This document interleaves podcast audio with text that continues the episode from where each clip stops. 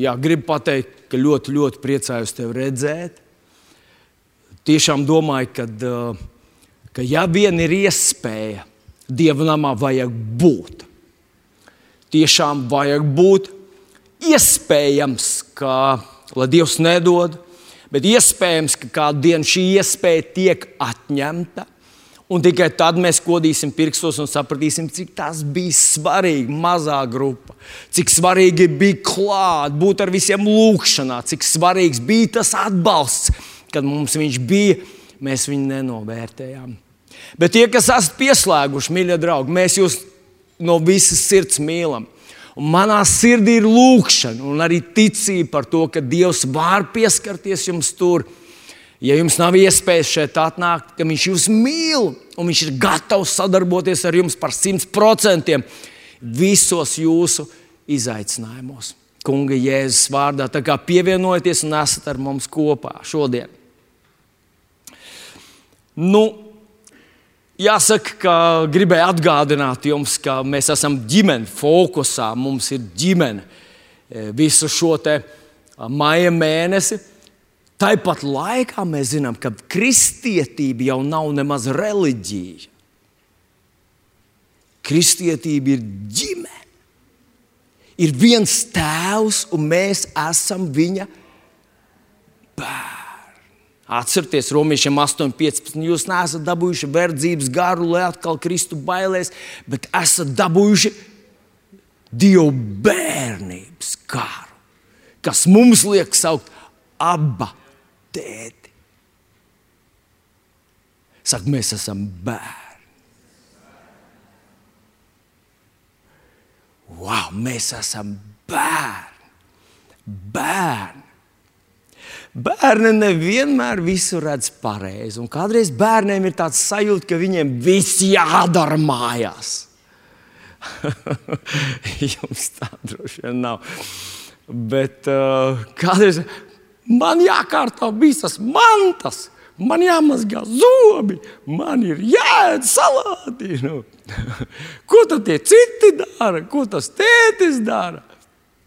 Bet nu, tie, kas jau esam mazliet tēti kādu ar kādu nu, stāžu, mēs droši zinām, ka tam tētim to, nu, to pienākumu ir krietni vairāk. Vai kāds man piekrīt šajā rītā? Ja, tam tētim to pienākumu ir krietni vairāk nekā bērnam. Un jā, mēs nu, kā, kā kristieši, kā dieva tēva bērni, mums kā, ir kaut kas, kas mums ir, nu, kā, kas mums ir mūsu atbildība. Bet es gribu tevi iedrošināt, mans mīļais draugs, tajās aizkulisēs, kuras mēs neredzam, notiek daudz vairāk nekā tu vari iedomāties.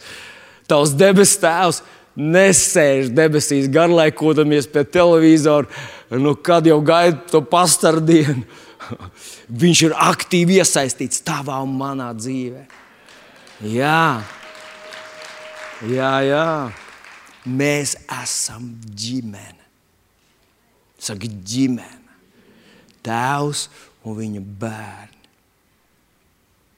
Man gāja ļoti pie sirds iepriekšējās svētdienas tā ilustrācija, kur Dārvids, manuprāt, nu, tā bija vesela atklāsme par to, cik apdraudēts jūtās tas motociklists.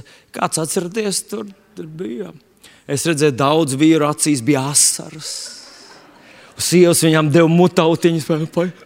Jā, es jūtos apdraudēts uz motocikla. Varbūt tu gribi braukt ar autobusu? Nē, es labāk jūtos apdraudēts. Bet nu, tā ilustrācija, ka ir tik daudz ienaida un uzbrukumu ģimenei, tas, tas ļoti roz, rezonē un tas tiešām tā ir. Nu, un, man tas šis laiks, šis nevienkāršais laiks, man tas atgādina kādu varbūt tādu stāstīnu ar smaidu no seniem laikiem. Uh, ir tāda valsts, uz kuru šodien vairs nav iespējams aizbraukt, bet mana uh, gada gājuma jaunieši uh, vienīgi esam tur bijuši un varam jums pastāstīt, kā tas bija. Tā bija Padomju Savienība. Šodien uz kartes viņi neatradīsiet. Jaunieši, mēs jums varam stāstīt, jums jātic uz vārda, jo pārbaudīt jūs to nevarat. Bet tā tad bija Padomju Savienībā kāda rūpnīca, kas strādāja, intensīvi strādāja, katru, pildīja piecgadus plānus. Un reiz uz to rūpnīcu atbrauca amerikānis. Viens arī kaut kāds tur rūpnieks, un viņam rāda to rūpnīcu. Tad, nu, protams, Kā jūs zināt, Padomu Savienībā viss bija labākais. Ļoti līdzīgi kā Krievijā. Ja viņiem ir ieroči, tad analogu pasaulē nav. Tā bija arī toreiz Padomu Savienībā, un tā tad staigā pa to rūpnīcu un rāda tur tās visas lietas. Un tad priekšnieks saka tā, nu, mēs izgatavojam zīmi. Un mūsu kapacitāti mēs nedēļā izgatavojam 50, mm, Pagaidām, pagaidām, pagaidām. 500. Jā, man, man liekas, ka mēs nedēļā izgatavojam 500 zīmes. Bet, ziniet, kādreiz mums tāds pieprasījums pieaug, un tas pasūtījums un tā, un mēs varam savu kapacitāti, savu jaudu četrkāršot. Mēs varam vienā nedēļā izgatavot 2000 zīmes. Amerikāņi saka, wow! Jūs tiešām varat četrkāršot savu jaudu. Jā, ja tā vajag. Un kas tad tā pa zīme, ko jūs izgatavojat? Lifts nestrādā. Tā tiešām bija tajā valstī ļoti izplatīta zīme. Un nav brīnums, ka rūpnīca strādāja vaigas viedros, jā, lai izgatavotu. Bet zinat, kādu zīmi šis laiks izgatavo? Un, manuprāt, viņš šodien strādā tādā milzīgā pārslodzē, palielinās četrkāršojuši savu jaudu un tā zīme ir ģimene nedarbojas.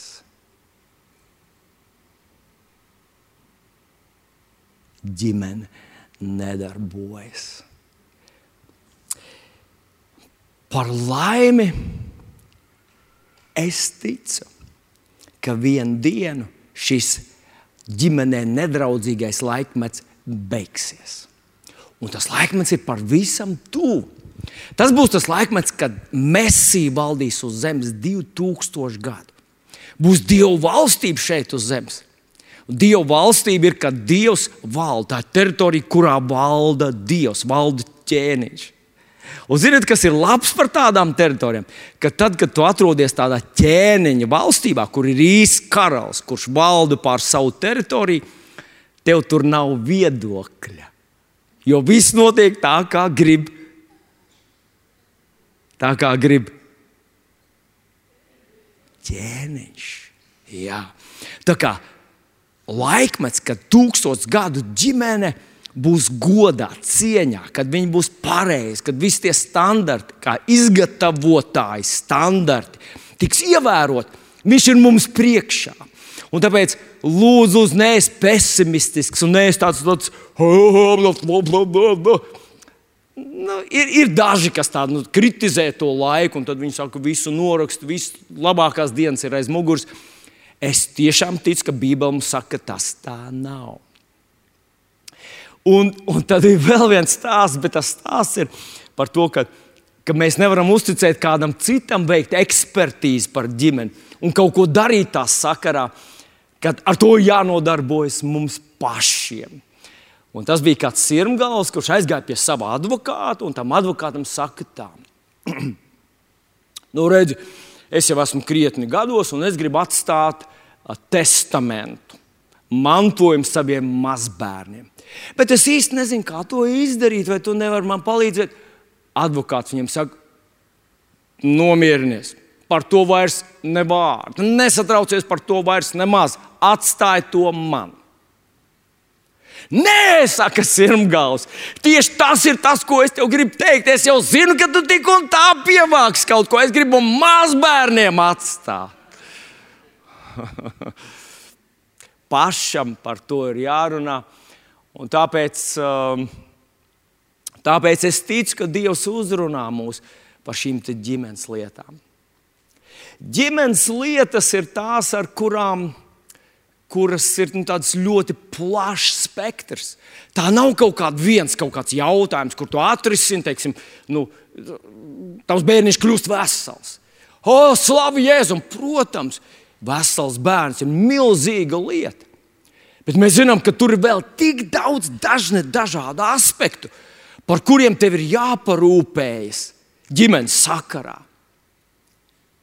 Un, manuprāt, Bībelē ir viens ļoti spilgts personāžs, kurš ir cilvēks tieši tāds pats kā mēs ar tevi. Kurš, kur mēs burtiski varam identificēt ar sevi. Vispār jau Bībeles personāži, tie aprakstītie stāsti, vārdi un notikumi nav pasakas. Jūs zināt, ar ko atšķiras Bībeles stāsts no pasakām, jā? no stāstiem un romāniem. Iespējams, ka kāds romāns un kāds stāsts ir uzrakstīts emocionālāk, pikantāk, varbūt kutina nervus vairāk. Bet viņi lielākā daļa ir sacerēti. Ko nozīmē sacerēts? Nu, kad tu skolotāji tev prasīja, kāpēc tu neesi izpildījis mājas darbu, un tu sāki stāstīt, ka tu sākās zemestrīce un raķi trāpīja tavā namā, tad skolotājs saka, ko tu te saceri? Nekā tāda nav bijis. Tu te, te kā sacerēts ir meli. Bībele uzrakstīta patiesība, bet ne tikai patiesība. Bībele uzrakstīta absolūta, bezskaislīga patiesība, īstenība. Kas tad notika? un kas bija risinājums. Katru reizi, kad mēs iz, nu, stāstam par savus dzīves notikumiem, es vienreiz dzirdēju tādu vīru, kurš stāstīja, nu, kā viņš ir palicis bagāts. Tad viņš teica, tā, nu, kad vajag nepadoties, vajag tikai rakt. tas varbūt tā ir raidījumā, skanēja labi, bet īstenībā tas ir absolūti subjektīvs un ne, nepareizs vērtējums. Viņš darīja daudz vairāk, kā ne vienkārši nepadevās. Un, kad tu lasi Bībeles stāstus, viņi uzrakstīti ar tik ģeniālu, dievišķīgu taisnību, un precizitāti un godīgumu, ka tu tam vari uzticēties simtprocentīgi, pielietojot to savā dzīvē. Bet tātad tas vīrs, par ko mēs šodien runāsim ģimenes sakarā, ir, kā jūs domājat, kurš? Jā, pareizi. Kā jūs visi zinājāt, es dzirdu jūsu domas, tas ir Abrahāms, ticības tēvs. Rakstvieta, kur mēs iesāksim, ir 1. mūža grāmata, 15. nodaļa. 1. mūža 15. nodaļa. Un mēs vēl aizvien atrodamies ar, fo, ar ģimeni fokusā. Nevis taisīsim fokusus no ģimenes, bet esam ģimeni ir fokusā. Halleluja! Halleluja! Tātad mēs lasām 1. mūža grāmatu, 15. nodaļa, 1. pāns. Pēc šiem notikumiem tas kungs uzrunāja Abrahāmu. Viņam parādīdamies un sacīdams, nebīsties, Abrahām, es esmu tavs vairogs un tava alga ir ļoti liela. Pieturēsim šai vietā. Es, protams, kā vienmēr arī šo pārskatīju, kā tas ir uzrakstīts King Jamesā, un tur uzrakstīts tā. Pēc šiem notikumiem tas kunga vārds atklājās Abrahamam vīzijā. Un tad ir tas teksts, kas arī mums uzrakstīts. Tā tad tā kunga vārds atklājās Abrahamam. Nebīsties, Abrahams, esmu tavs vairoks, un tā valga ir ļoti liela. Man uzmanību piesaistīja šis pirmais teikums pēc šiem notikumiem. Tā kunga vārds atklājās Abrahamam. Es sāku domāt, kas ir tie par notikumiem, un vēl vairāk viņi man uzrunāja, ka tas, tā kunga vārds sākās ar vārdu nebīsties. Ja tu man kaut ko gribētu teikt, un tu teiksi man, teiktu, Vilni, kāpēc tu sēdi? Es teiktu, hei, hei, hei, hei, tu īsti man neredzi, vai, vai kas notiek, jo es nesēžu. Tas, ka Dievs uzrunā Abrahāmu ar vārdiem nebīsties, nozīmē, ka Abrahamam bija sametušās bailes. Nu, kas tad ir tie notikumi, kuru sakarā un kur, kāda tā situācija, kurā Abrahamam šīs bailes sametās? Un tad es skatos iepriekšējā nodaļā, 14. nodaļā, 23. pāns ir tas, tas, ko es gribētu īpaši izcelt, gribētu tev parādīt arī. Manuprāt, viņš mums ļoti daudz ko pasaka. Tātad, Abrahama teksts Tas ir pēc lielas uzvaras, sakās, tur ir tik daudz cilvēku apkārt, tur ir vairāki ķēniņi. Tur ir uh, atkarotie, kas bija tikko bijuši gūstekņi, tagad ir brīvi. Un Abrahams, nu, jūs zinat visu to stāstu, bet Abraham teksts tāds. Es paceļu savu roku uz to kungu, visaugsto dievu, tas kā zvē, zvērēt, kam pieder debesis un zeme. Nevienu pavadienu, nevienu kurpju siksnu, ne citu, ko es neiztikšu no tā, kas pied, tev pieder. Lai tu neteiktu, es esmu Abrahāmu darījis bagātu.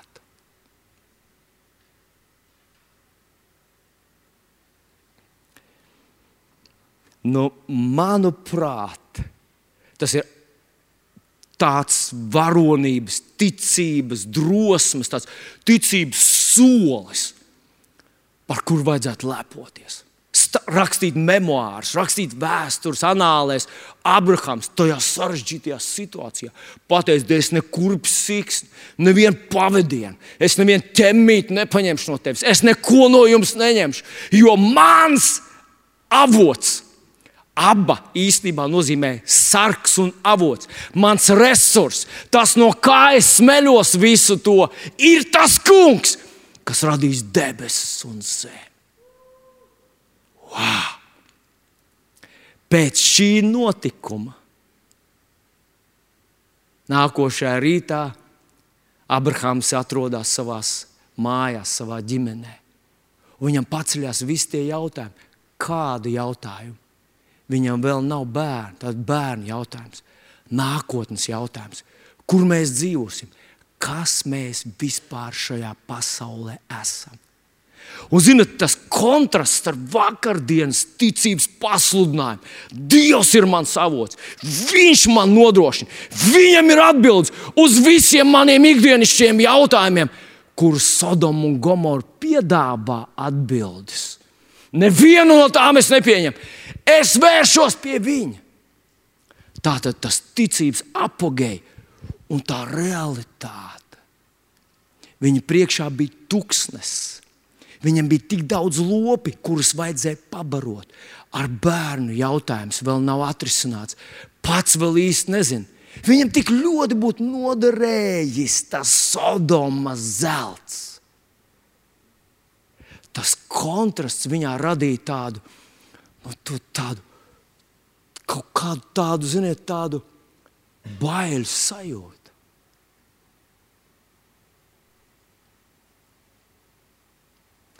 Man gribētos vilkt kaut kādas paralēlas ar laiku, kurā mēs ar tevi dzīvojam. Mēs lasām tās apsolījumus Bībelē. Mēs lasām, ka Dievs saka, es esmu tavs tēvs, un tu esi mans bērns. Viņš neviens apsolījums priekš mums nav. Nē, viss ir jā un āmen. Mēs varam saņemt no viņa visu.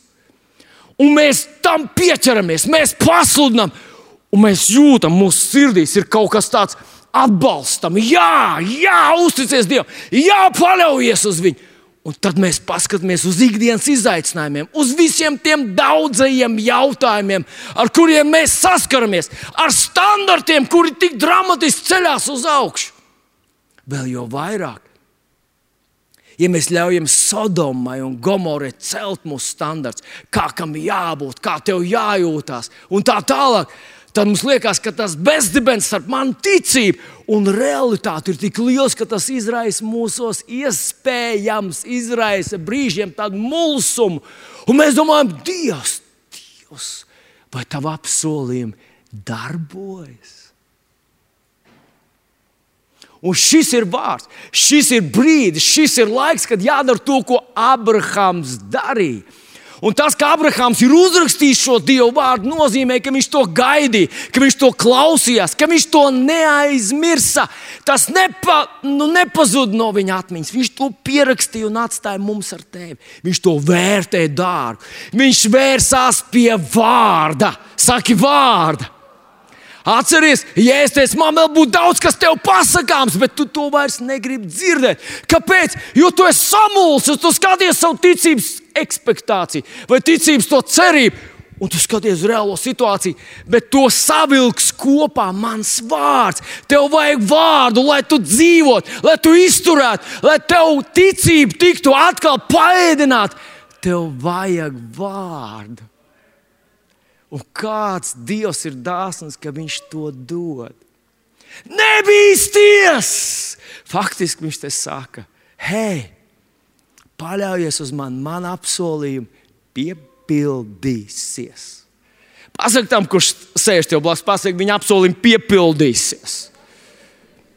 Saka, Dieva apsolījumi piepildīsies. Huh, bet, mīļie draugi, ko tad viņš viņam saka? Es vēlreiz 15. nodaļā gribu, lai tu paskaties ar mani, ko tad viņš saka viņam. Nebīsties, Abrahām, es esmu tavs vairogs. Ja tu lasi angliski, paskaties, King James, ko saka. Mūsejā arī tas ir uzrakstīts, bet tādā formā, ka to var drusku pārprast. Tātad Dievs viņam saka, nebīsties, es esmu tavs vairogs un tava lielā alga. Ja tu paskatīsies King James, es esmu tavs vairogs un tava lielā alga. Dievs saka, es esmu tava alga, es esmu tavs vairogs. Jūs zināt, ja Dievs būtu darba devējs, viņš būtu teicis, tā, es noalgošu kādu miesas sargu, kas būs tavs vairogs. Bet par cik Dievs ir tēvs? Saka, Dievs ir tēvs! Saka, Dievs ir tēvs! Dievs ir mans tēvs! Viņš saka, es pats. Ziniet, īstam tēvam ieraudzīt savu bērnu apdraudētu Neviens īsts tēvs neteiks, ej, pasauciet tur to, ko mēs pieņēmām darbā, tur kaut kādu. Viņam prātā nenāks meklēt kādu aizvietotāju sev. Īsts tēvs pārplēsīs krēklu savām krūtīm. Vai viņš ir grāmatvedis, ogļu racis, boxeris vai, vai, vai, vai, vai, vai vienalga kas. Viņš metīsies aizstāvēt savu bērnu. Un tas ir tas, ko Dievs viņam saka, hei, Abraham, tu to neredzi. Iespējams, tas ir apslēpts tavām acīm, bet tev jāzina, ka tas, kurš pieskarās tev, vispirms viņam jātiek garām man. Pats, Dievs, Dievs, vai tiešām tas tā ir? Tiešām tas tā ir. Mans bērns, es mīlu tevi. Un tad viņš saka, es esmu tava liela alga. Ka tev ir tavs debesu tēvs. Romiešiem 8. nodaļā uzrakstīts, viņš jau savu pašu dēlu nav audzējis, bet to par mums visiem nodevis nāvē. Kā tad viņš līdz ar to mums nedāvinās visas lietas? Dievs, tas man izsit no, no līdzsvara. Mans tētis Mans tēvs saka, es esmu tavs vairogs, Vilni, Līga, Jāna, Anna, Kārli, Ulu, Fredi, Bruni. tu to neredzi. Mēs pazaudējām savu garīgo redzi ēdienas dārzā, kad Ādams apgrēkojas. Kopš tā laika mēs piedzimstam aklu un mēs šo garīgo redzi tikai iegūstam ticībā caur svēto garu. Mēs neredzam to, kas notiek apkārt. Mēs redzam tikai nu, tos apdraudējumus, redzam viļņus. Bet kaut mēs ieraudzītu, ka mums blakus stāv visu šķēršļu uzveicējs, debesu un zemes radītājs, tavs abā. Tavs abā. Bet jūs zināt, iespējams, ka kāds nonāk šajā situācijā, tādā mulsuma situācijā, un viņš nemeklē Dieva vārdā atbildi, apstiprinājumu. Viņš vienkārši saka, uz zobus un pie sevis vienkārši saka, man jāiztur, man jāiztur. Man. Nu. Es domāju, ka tādā veidā mēs sev atņemam šo iedrošinājumu, šo ticības spēku, un mēs ierobežojam Dievu iejaukties mūsu dzīvē, tiešām iejaukties mūsu dzīvē ar brīnumiem. Dievs! Abrahāms gaidīja brīnumu no Dieva. Viņš vadīja savus ganāmpulkus uz tūkstnesi. Un viņš ierēķināja, ka tūkstnes plus 3000 izsalkuši mutu dzīvnieku, kurus jāpēdina, jāpadzirdina, ir izmisums. Bet, ja tūkstnes plus tūkstoši plus dievs, ir brīnums.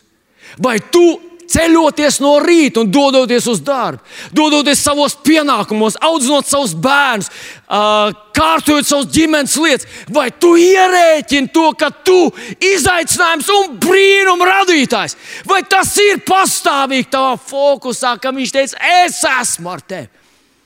Un, ja tas tā nav, kurš mums nozaga brīnumu Dievu? Kurš viņu padarīja vienkārši par tādu aizsardzību? pēcnāves Dievu, aizskapa valstības Dievu. Kurš to izdarīja? Tas ir bijis nežēlīgs, riebīgs zaglis. Mums no viņa vajadzētu tikt vaļā. Es esmu tavs tēvs! Un tava lielā alga. Paklausties, kā apelsīns Pāvils to jaunajā darbā raksta, pateicoties kungam Jēzum Kristum. 1. korintiešiem 2,9 bet tā ir kā rakstīts, ko acis nav redzējusi, un auss nav dzirdējusi, un kas neviena cilvēka sirdī nav nācis. To Dievs ir sagatavojis tiem, kas viņu mīl. Hei! Tas ir tik pareizi atsaukties Dievam.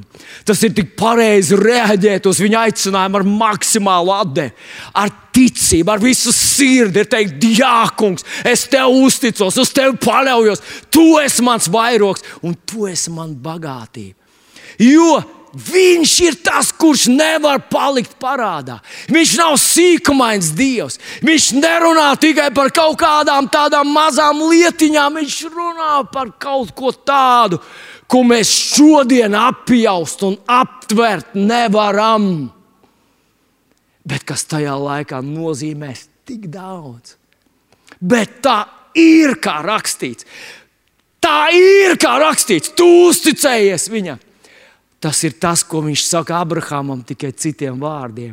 Es esmu tava lielā bagātība, tava lielā alga.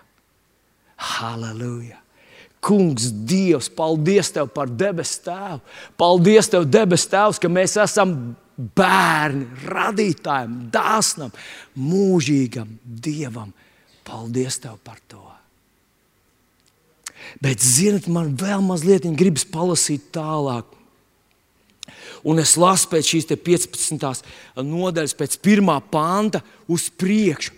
Un tas man izsauc tādu, tādu ļoti, ļoti tādas, nu, pārdomas, dziļas pārdomas. Un es gribētu, lai tu man pasako līdzi. Tātad mēs lasīsim uz priekšu, ko Mozus, piedodiet, Abrahāms, ko viņš prasa ar Dievu, viņš runājas ar Dievu. Manuprāt, es to nosaucu par Abrahāms prasa dievam instrukcijas. Rekur es esmu tātad 1. mūzika 15.2.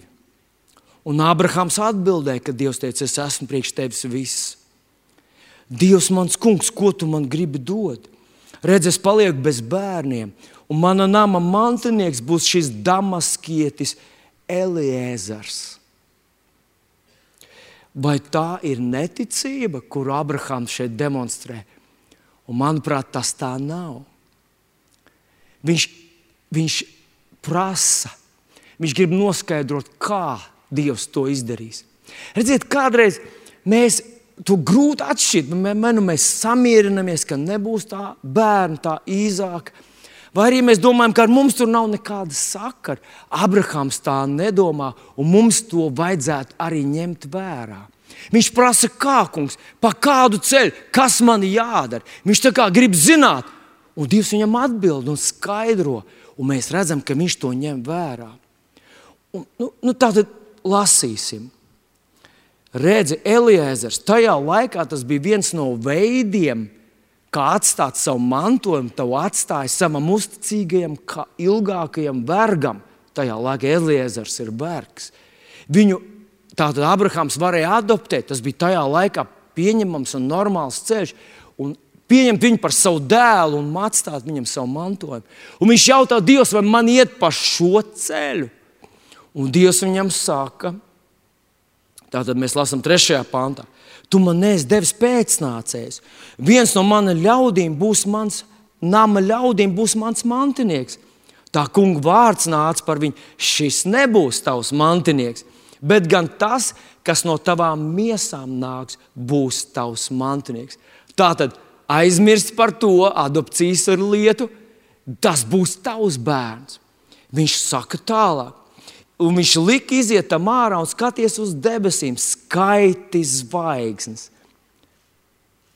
Kā jūs domājat, vai Abrahams sāka skaitīt zvaigznes vai nesāka skaitīt? Ja tu saņemtu šādu vārdu no Dieva, izej ārā un skaiti zvaigznes, vai tu skaitītu zvaigznes? Vai tu teiksi, nu, tā, nu, tā, tas bija tā, nu, tā, tas bija tā pārnestā nozīmē, ka neviens jau nevar izskaidrot zvaigznes. Tajā laikā bija daudz vieglāk skaitīt zvaigznes, jo nebija nekāda luktura apkārt, nebija nekāda gaismas piesārņojuma zvaigžņu bija nesalīdzināmāk vairāk, kā mēs šodien varam iedomāties. Skaita zvaigznes. Vai tu spēj tās izskaidrot? Tikpat daudz būs tev pēcnācēji. Un sastais pants, un Abrahams uzticējās tam kungam, Dievs viņam to pieskaitīja par taisnību. Tātad te burtiski pateiks, ka Abrahams ticēja Dievam. Bet paskatieties, ko Abrahams nākošo lietu, ko viņš dara. Tātad es esmu, Dievs saka, es esmu tas kungs, kas tev lika iziet no kaldē jūras, lai tev dotu šo zemi, iemantot. Tā arī ģimenes lieta, kur tad mēs dzīvosim. Un viņš sacīja, kungs, mans dievs, no kā lai es saprotu, ka es to iemantošu. Viņš tā kā prasa, nu, kas ir tas, kas ir tas, uz ko es varētu atsaukties, kas ir tas, pie kā es varētu atgriezties. Un tad Dievs spēr radikālu soli, lai nebūtu nekādu vairs pārpratumu. Viņš slēdz derību. Abrahamam ir skaidrs, ka tas ir simts punkti. Tā bija vecās derības, derības prototyps. Mēs ar tevi dzīvojam jaunajā Dāvids vienīgais zināja īsto atbildi. Mēs ar tevi dzīvojam jaunajā darbā. Šī derība ir apzīmogota ar Dieva dēla asinīm. Mēs esam svētīti Jēzu Kristu, esam Dieva bērni, Viņš ir mūsu debesu tēvs. Interesanti, ka Dievs nosauc sevi par Abrahāmu draugu, bet mūsu gadījumā Viņš sev nosauc par mūsu tēvu. Es tur redzu milzīgu atšķirību šajās attiecībās ar Dievu. Vai mums nebūtu jābūt tik pārliecinātiem, tik drošiem, ka Dieva vārds un apsolījumi ir spēkā? Bet, ziniet, man, pār, man uzmanība piesaistījušies mūsu jautājums, ko mēs apskatām šajā laikā, un tā ir ģimene. Ģimene. Kungs, ģimene. Varbūt, ka ģimene arī nav kaut kas tāds, kas notiek pats no sevis. Varbūt mūsu ģimenes svētība, mūsu ģimenes vislabklājība, tā nav kaut kur debesīs. Mums ir jāizrunā, jāizlūdz, lai Dievs beidzot dod manai ģimenei to, ko mums vajag. Vai mums nebūtu jārīkojas līdzīgi, kā rīkojas Abrahams, kurš pazina Dievu un kuram bija ticības potenciāls tāds pats kā mums ar tevi, iespējams, ka mazāks pat. Bet viņš prasīja instrukcijas dievam. Un tad es nonācu līdz pantam, kas man ļoti samulsināja un ļoti atklāja to, ko tad Dievs sagaida, ko mēs darām. Tas ir pamācībās 24. nodaļā, 3. pāns, mazs pantiņš, kurš, manuprāt, ļoti tieši, nepastarpināti runā par ģimeni. Viņš runā par namu. Paklausies, ar gudrību namu ceļu un ar saprātu to uztur kārtībā. Ar gudrību nāmu ceļ. Ja mēs runājam par ģimeni, viņš runā par gudrību, kas vajadzīga ģimenē. Vai tad ģimenē vajadzīga gudrība? Vai tad tur nevajag vienkārši tādu, tādu emocionālu mīlestību? Puisim iepatikusies meitene, viņam ļoti viņa patīk. Viņš domā par viņu vakarā un, un naktī, un viņš domā par to meiteni. Un te ir tā, te ir tas potenciāls, no ģimenei jātiek dibinātai. Bet Salamans neskapēc runā par gudrību. Un mēs zinām, gudrība vispirms Dieva vārdā ir gudrība, Dieva bība ir gudrība, respektēt Dieva domas ir gudrība. Bet, manuprāt, ir cilvēcīgi paklausties. Ceru, ka jūs man piekritīsiet, ka gudrība ietver sevī vismaz trīs lietas. Un tās trīs lietas ir informācija, zināšanas. Otra lieta ir saprast tās zināšanas vai saprāšana. Un trešā lieta, ko mēs varētu nosaukt par gudrību, tādā beigu fāzē, ir pielietota zināšana. Tātad informācijas zināšanas, kuras tiek pielietotas, ir gudrība. Jūs varbūt varat sastapt kādu ekonomikas doktoru, kurš ir tikai slikts sētnieks, tāpēc ka tās savas ekonomiskās zināšanas viņš nepielieto. Vai starp kristiešiem varētu būt daudz tādu cilvēku, kas zina gan un pat saprot, bet to ikdienā nelieto. Un šeit viņš burtiski saka, ka ģimeni satur kopā ne jau tā, nu, tā mīlestība, ko mēs domājam ar vārdiņu mīlestība. Kad tu lasi 1. 1. korintiešiem 13. to nodaļu, tu saproti, ka mīlestība ir kaut kas vairāk nekā tikai tauriņi kādā vietā. Nu, ka mīlestība ir kaut kas, kur tiek aprakstīts pants pēc panta, kas ir mīlestība. Un tas pats ultimatīvais, ka mīlestība nekad nebeidzas. Tātad tā, kas beidzās, tā jau nebija mīlestība, tas bija kaut kas cits. Viņš saka, ka ir vajadzīgs zināšanas.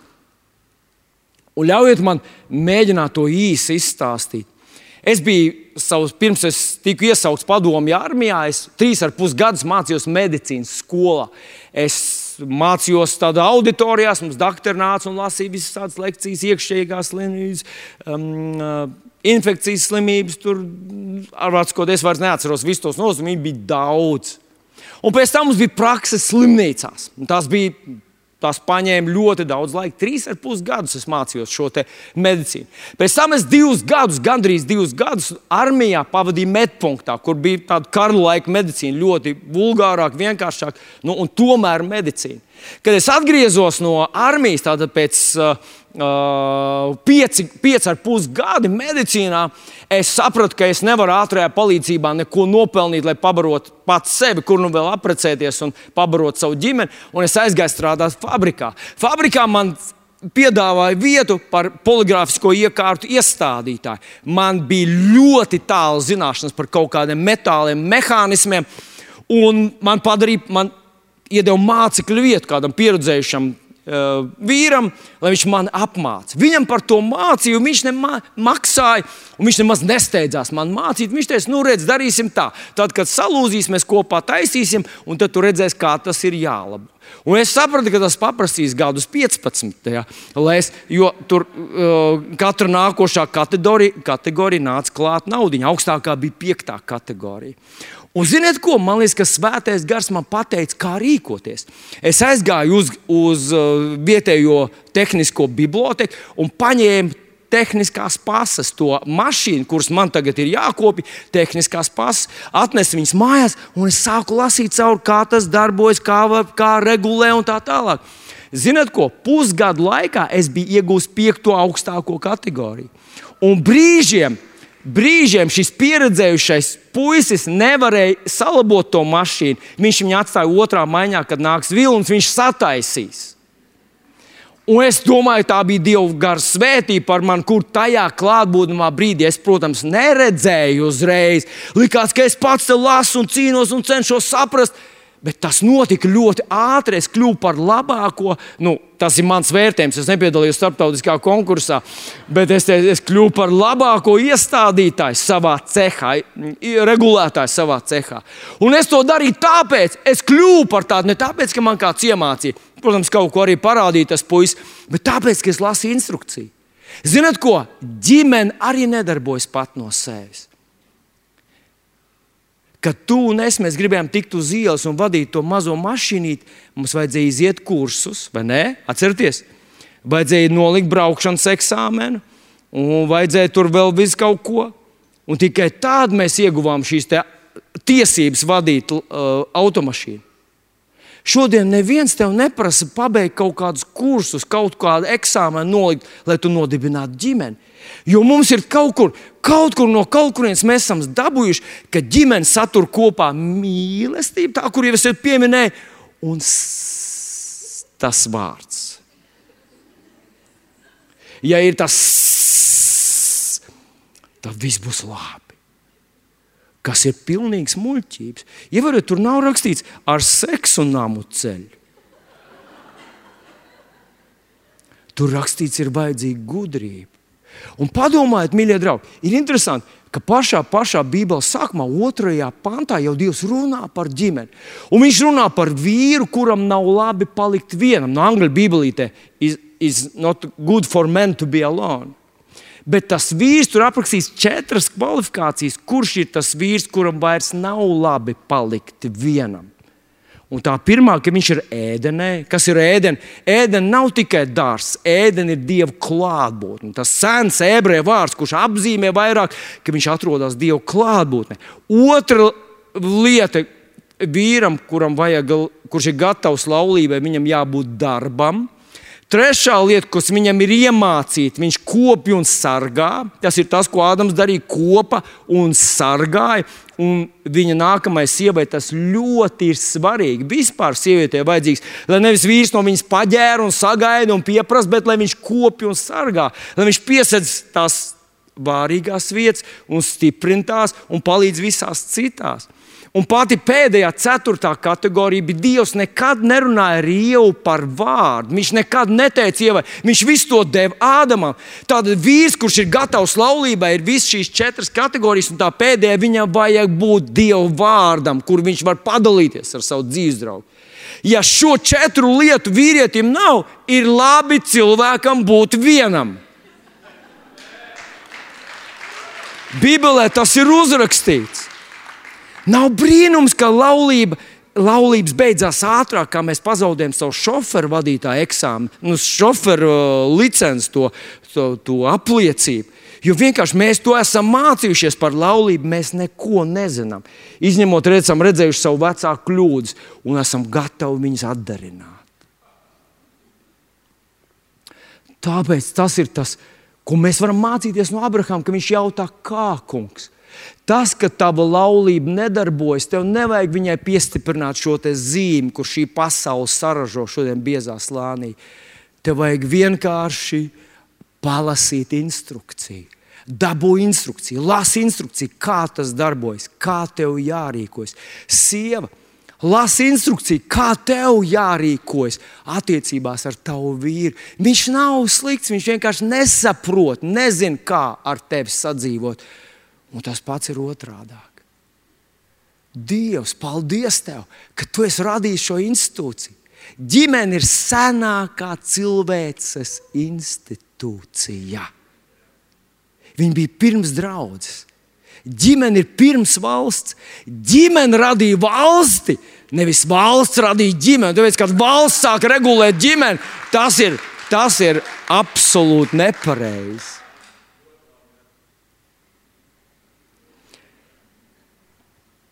Bet es gribu nobeigt šo dievkalpojumu ar vārdu no Iesai grāmatas, kas, manuprāt, ir, ir gudrība, kuru es gribu, lai tu un es mēs paņemam līdzi. Nu, paskaties, Iesai 48, 17. Lūdzu, pierakst šo te, tas tev jāpaņem līdzi. Tā saka tas kungs, tavs pestītājs, Izraels svētais. Es tas kungs, Es, tas kungs, tavs dievs, mācu tev to, kas tev par svētību, un vedu tevi pa to ceļu, pa kuru tev jāsteigā. Kaut jau tu ievērotu manus baušļus, manus norādījumus, puisis un meiteni. Tu vēl neesi apprecējies, nesteidzies tur. Nesteidzies tur. Iedomājieties situāciju, kad tu kaut kur nopērci šoferu tiesības un tas sadauž savu automašīnu un kāda cita arī vēl.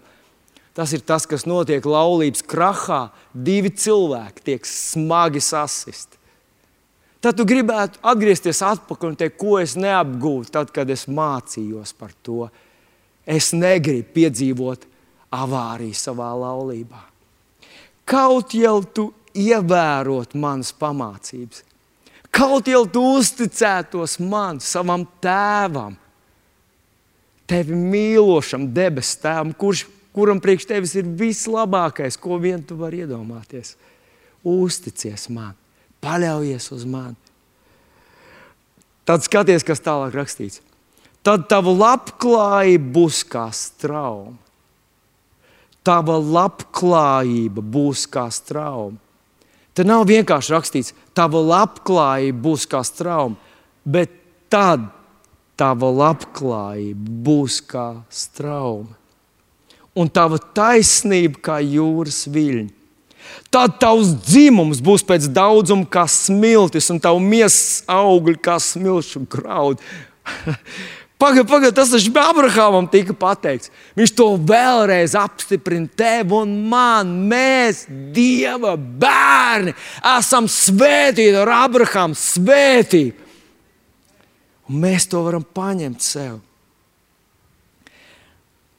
Un viņu vārds neizzudīs un netiks iznīcināts mana vaiga priekšā. Ko nozīmē? Netika, viņu vārdi neizzudīs, viņi būs glābti. Viņi ne tikai dzīvos šajā pasaulē, ne tikai elpos un strādās kaut ko, viņi būs glābti, viņi būs Dieva bērni. Viņa mūžībā būs ar tevi. Iedomājieties, mūžībā tu būsi kopā ar saviem bērniem, ar saviem mazbērniem ar tiem cilvēkiem, kurus tu esi uzrunājis. Un nē, tas netiks izdzēsts no tavas atmiņas. Tu atcerēsies, kā tas bija, kad tu viņus uzrunāji tur, toreiz, uz tās vecās zemes, kur vēlams vēl bija. un viņi tev teiks, paldies, tev, ka tu mūs toreiz izglābi un griezies pie mums. Wow! Kungs, mēs gribam ņemt vērā tavus norādījumus. Mēs esam tava ģimene Mēs gribam to turēt dārgu un respektēt tavu viedokli. Kunga Jēzus vārdā.